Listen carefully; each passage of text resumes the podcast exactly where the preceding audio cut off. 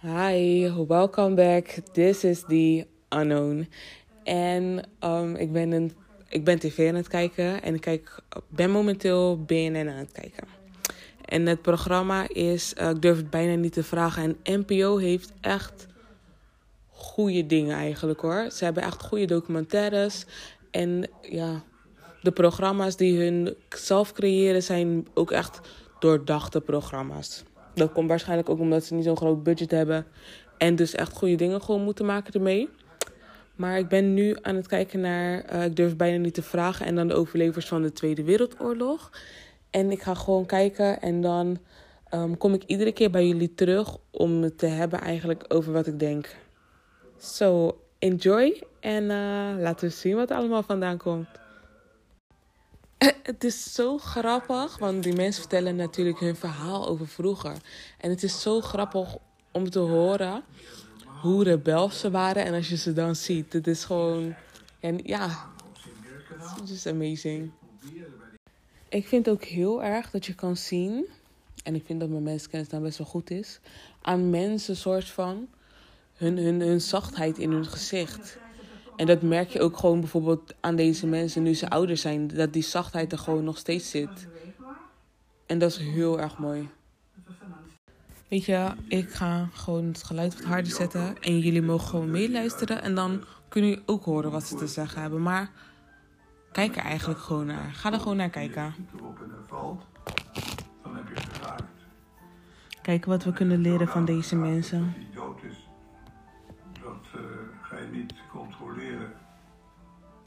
Voor de, voor en, de zekerheid nog een keer. Het is weer pauze hoor. Als je als soldaat in de oorlog wordt Oh, pauze. Ja. Er was net ook een meneer die ging vertellen van waarom hij niet bang was om um, te komen te overlijden tijdens de Tweede Wereldoorlog. En toen ging hij vertellen waarom. En toen legde hij dus zijn techniek uit. Hij zei: Je moet als mens gezien worden. En niet als ding, want als mens zijnde dan uh, gaan ze meer rekening met je houden dan als ze je gewoon als een, een voorwerp zien. En het is ook zo. En dat is eigenlijk wat wij ook moeten doen. Want hij zei dat hij dan bijvoorbeeld wanneer hij, er iets gebeurde en ze iets zeiden over bijvoorbeeld jij vieze jood, dat hij zei, hey, je, je kan ook gewoon zo, je mag, ja, je kan ook gewoon zeggen, jij vieze ernst, want zo heet hij toevallig. En dat is een hele goede um, aanpak om ervoor te zorgen dat mensen moeten erkennen dat jij een mens bent. Heel mooi. Kom maar meneer, je mag weer verder. wordt opgeleid om, om Duitsers dood te schieten, dan, uh, dan ben je alleen maar heel tevreden als het gelukt is. Ik was een hongervluchteling. En ik kwam in april 1945 op een uh, uitzendadres in Friesland. Totaal verhongerd en, uh, en vervuild en smerig. Ik werd opgevangen door een buitengewoon aardige vrouw. Ik ben daar heel gauw Mem gaan noemen. En het eerste wat Mem deed, dat dat ze geprobeerd had mij een gebakken ei naar binnen te laten werken. Uh, de dokter te laten halen. Uh, de dokter kwam, die tilde mijn vel op, die, die telde de ribben op mijn, op mijn borstje. Ja, en hij zei tegen me, dit is geen blijvertje, het is geen blijvertje. Hoezo, dokter? Wat is dat dan? Nou, hij haalt het niet. Had iedereen bloembollen tijdens de hongerwinter? Nou, ik weet niet of iedereen bloembollen had tijdens de hongerwinter. Wij in ieder geval niet. Ja, dat moest wel, want alles was op de bon. En als je niet genoeg te eten kreeg, dan ging je eten wat uh, niet normaal was. We hebben één keer bloembollen gegeten. Het was mogelijk. Wij hadden ook geen hongerwinter. We hadden gewoon heel veel jaren honger. Ik vind die vragen niet toegespitst op de oorlog in Indonesië hoor. Er was geen bloembol te bekennen. Nee, Niet? maar in Nederland wel. Je denkt aan niets anders dan wanneer er misschien iets komt. En je zou alles willen eten wat er is, maar er was helemaal niks. Dus ik liep wel eens door die tuin, hè, daar waren bomen en er zaten noten aan. Er viel wel eens een nootje uit de boom, dat was natuurlijk al lang weggehaald door iemand. En eh, als je eten kreeg, dan kreeg je eh, dunne soep. Een soort van water met... Triest ook, joh, wat deze mensen allemaal mee hebben moeten Het had geen maken. voedingswaarde. Volgende. En dit door ego van anderen? Voor uw Duits. Ha, ha, ha. Ja, ja. Eh, met Duits ben ik altijd meer en meer vertrouwd geraakt. Een zettel, eh, weet je maar, een zettel is een briefje en een schemel is de, de ding is. En, en een ballotje, dat was maar als kregen, dat was de stemmel. Dat vond ik leuk, dat was spelen met woorden. en achtung schreeuwen, hè. Achtung. Dat eh, heb ik ook al geleerd. Ik geloof niet dat dat goed voor mijn Duits was en voor de hele klas niet. Je wilde het niet weten. Het was, het was een en al verzet. Zijn we al aan de laatste? Nee, Je ziet ook hoe anders die mensen zijn. In mijn ogen wel. En hoe hun omgeving en situatie hun zo gevormd hebben, waardoor ze nu praten op de manier wat ze doen. Luxemburg en Frankrijk, om, om maar niet door, de- door de moffengebied te moeten. Dat zijn voor mij allemaal nog rotmoffen. Nee, ik kan niet zeggen dat je, dat je te rotmoffen zijn. Want de generatie die nu leeft, eh 20, 30, weet ik veel, die hebben niks met die Tweede Wereldoorlog te maken. Ja, ik kende al van voor de oorlog Duitsers, waardoor ik dus echt nooit, ik nooit gedacht heb dat alle Duitse soldaten slecht waren. Ik, ik had een hekel aan Duitsers. En pas heel veel later, toen ik contact met ze kreeg, heb ik begrepen dat ze Dat ze niet allemaal zo zijn. Ja. Je zit een biertje te drinken. Waar heb jij gezeten in de oorlog? Wat heb jij gedaan in de oorlog? En dan, en dan ga je daarover praten. En dat is heel beter, heel anders als elkaar ontmoeten in, in het veld en op elkaar schieten. Wist u wat er met de Joden in de concentratiekampen gebeurde? Dat is een hele merkwaardige vraag. Want dat wist niemand. Wisten dat al heel vroeg door Duitse vluchtelingen. Dat waren niet allemaal Joden hoor. Ook illegale werkers die tegen Hitler waren, uit Oostenrijk kwamen en zo. Wisten een heleboel. Ze werden naar Polen gestuurd en dan konden ze dan een, een hele nieuwe, eh, een nieuw leven beginnen. En dat was het enige wat, je, wat, wat er werd, werd eh, verteld over de Joden en nadat ze werden. En zo zie je maar ook hoe belangrijk het is waar je staat of waar je bent in het leven. wanneer er iets gebeurt. Want je hoort allemaal verschillende verhalen natuurlijk van die mensen. En ze, ze hebben allemaal andere dingen.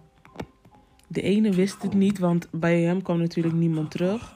En die andere die wist het wel, omdat iedereen soort van die vandaar kwam, die dat hun, dat zij te- hun tegenkwamen. Ja, iedereen, gewoon de mensen. Nee, ik heb nog niet eens van concentratiekampen gehoord. Pas veel later. Toen jullie al meer wisten dan ik. Dat geloof ik niet. Na de oorlog. Dat geloof ik niet. Toen. Er was altijd Hij liegt. mensen die gezegd hebben, wij wisten niks. Hij liegt. Ja, er waren ook mensen die het niet, niet wilden weten. Ja. Beroerd, maar dat was wel vaak het geval hoor. Je gaat toch niet voor de lol onderduiken? Nee, Nee. daarom. Nou ja, de mensen die gingen onderduiken wisten echt wel dat iets heel onrustig was. Ja. Nou, Ja. Die man was niet eerlijk. Hij, want hij begon met vertellen van, oké, dat hij eh, door zijn vader in zo'n eh, NSB-kamp volgens mij. Ik weet niet, hij was een NSB'er volgens mij, of zijn vader was een NSB'er. En, Op het moment dat Duitsland in elkaar stortte. maar hoe, ver- hoe meer hij begint te praten, hoe minder ik eh, hem geloof. Ja, dat is ver weg. Bij- de Rode Kruis helpster. Ja, maar hij heeft toen gewoon, even, want dit is hij weer hoor. Maar hij heeft toen gewoon besloten om dus keuzes te maken die alleen het, in het, voor het het beste belang waren van zichzelf. En nu, jaren later, nu hij nog leeft, heeft hij spijt van de dingen die hij gedaan heeft. Maar toen de tijd heeft hij wel echt bewust op deze, om deze redenen hiervoor gekozen. En het is, ja, Op twee weet je. overleden. Ik zat eh, als, als schutter op een Br- Brengun carrier. Op een eh, voertuig waar de, waar de schutter op stond. En die had een Brengun. De chauffeur, dat werd een vriendje van me. En die zei op een gegeven moment, eh, hij had de eerste wacht. En zei tegen mij, eh, zouden wij kunnen ruilen? Ik heb de hele dag in die auto gezeten en ik ben doodmoe. En eh, ik lag nog niet in zijn bed of ik hoorde schieten. En toen bleek dat de Duitsers geland waren, aan de rivier waren over, overgekomen. En achter ons aan waren geslopen. Zo, die had een eh, engel op zijn schouders. En dat was voor mij nog een troost dat hij had gevraagd om te ruilen en niet ik. En verder heb ik er alleen maar de pest overheen gehad dat, niet heb gezorgd dat hij, eh, dat hij niet was doodgeschoten. Wie ben jij kwijtgeraakt? Mijn hele familie van mijn vrouw. Ja. is niemand van overgebleven. Alle ooms en tantes en alles, want die wonen allemaal in Amsterdam. Die zijn allemaal eh, eerst naar Westerbork en later dus naar een of andere eh, kamp waar ze dus allemaal werden vermoord. Ja. Erg, joh. Gezinnen, 100, 150, meer, ik weet het niet hoor. Nooit te verdiept. Allemaal. En het allerergste is dat bijvoorbeeld de Nederlanders, mensen die hier echt voor gegaan zijn en hiervoor gekozen hebben, nu alleen maar spijt hebben eigenlijk omdat ze gepakt zijn. Eh. Dat vind ik heel erg. In plaats van dat ze echt oprechte spijt hebben of omdat ze het oprecht erg vinden. Want je merkt echt wie wat denkt of voelt. Of hoe ze zijn überhaupt gewoon. De oorlog was afgelopen, zat ik in Engeland. En ik heb eh, in Londen rondgelopen. Ik heb een, wel een, paar biertjes en meer biertjes dan anders gedronken, maar ik was niet beschonken. Nou, niet op de verrijdingsdag, maar daarna wel. En we hadden, oud, oud verzetmensen hebben we toen eh, een reunie gehouden en eh, dat, dat liep wel eens uit de hand. We hadden dus een, natuurlijk een partijdig, eh, een partijdig kamphoofd. Dat was dus een vrouw. En die ging op een, eh, op een kistje staan. En die zei, eh, dames, het spijt me heel erg, maar de oorlog is afgelopen. En toen ging iedereen terug naar zijn kampplekje. En toen gingen ze een beetje zingen. Toen denk ik, we mogen zingen als we bevrijd zijn. Ik zat op de wc met een vriend te praten. Waarschijnlijk omdat het daar wat stiller was. En toen zag een of hij of ik zagen een assessor van de wachttoren springen. We wisten dus dat je die zelfmoord pleegde.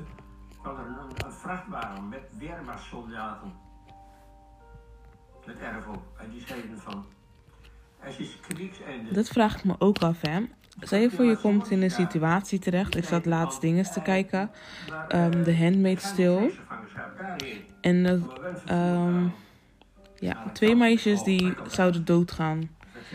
En die ene had toen een opmerking gemaakt waardoor ze geduwd was. En toen dacht ik echt de hele tijd van... Als ik dat andere meisje was... Had ik zelf gesprongen zodat ik mijn eigen doodsoort van... eh, dan in bedwang had.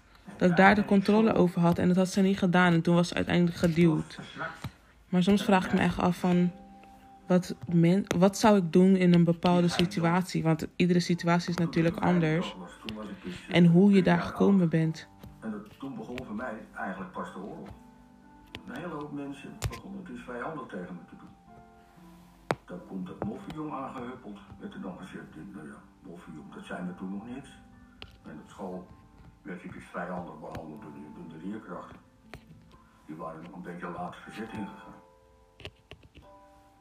En als er dan een van die kinderen jarig was, Nou, dan werd ik er niet voor uitgenodigd. Hm, zielig joh. Ik voel me meer Duitser dan Nederlander. Ja, de Duitsers zijn nooit lelijk tegen me geweest. Daar moeten we op letten. Daar moeten we heel erg op letten. Ook vooral met de mensen die bij ons bijvoorbeeld halfbloed zijn en zo. Of ja, halfbloed, dubbelbloed. Is dat? Meester, heb, heb ik altijd. Dus ik ben heel benieuwd ik hoe wij dat zouden moeten aanpakken. een soort schuldgevoel van. En hoe we het nu doen ja, aan de eigenlijk.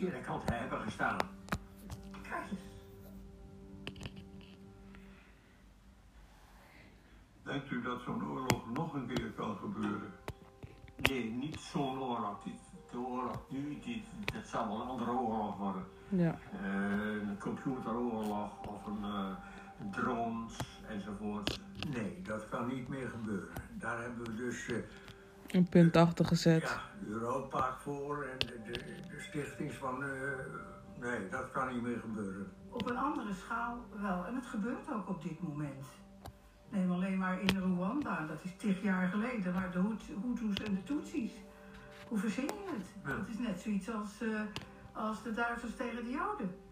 Ja. Hè? En dat, dit soort dingen gebeurt nog steeds. Ik zeg, als mensen elkaar kunnen afmaken, dan doen ze het wel. Hoor, geen enkele illusie. Ik heb eh, genoten van het leven. Ik ben blij dat ik in de oorlog iets gedaan heb om de Duitsers uit ons land te, te verdrijven. En ik doe mijn uiterste best om mensen duidelijk Ik begrijp wat hij bedoelt. Dat hij heel erg trots is op het werk wat hij gedaan heeft. Omdat hij een onderdeel is geweest van de bevrijding van ehm, deze mensen. Dank. Maar de trots die hij heeft bestaat wel uit het doden van anderen. En ik vind dat wel erg. Ik vind het wel erg. Maar ja, dat was het. Het is afgelopen. Bedankt voor het luisteren. En eh, ja, ik ga sowieso eventjes nog een andere opnemen, denk ik. Want ik ga gewoon nog eentje kijken. So, thank you for listening. En ehm, um, tot de volgende keer. Enjoy your day.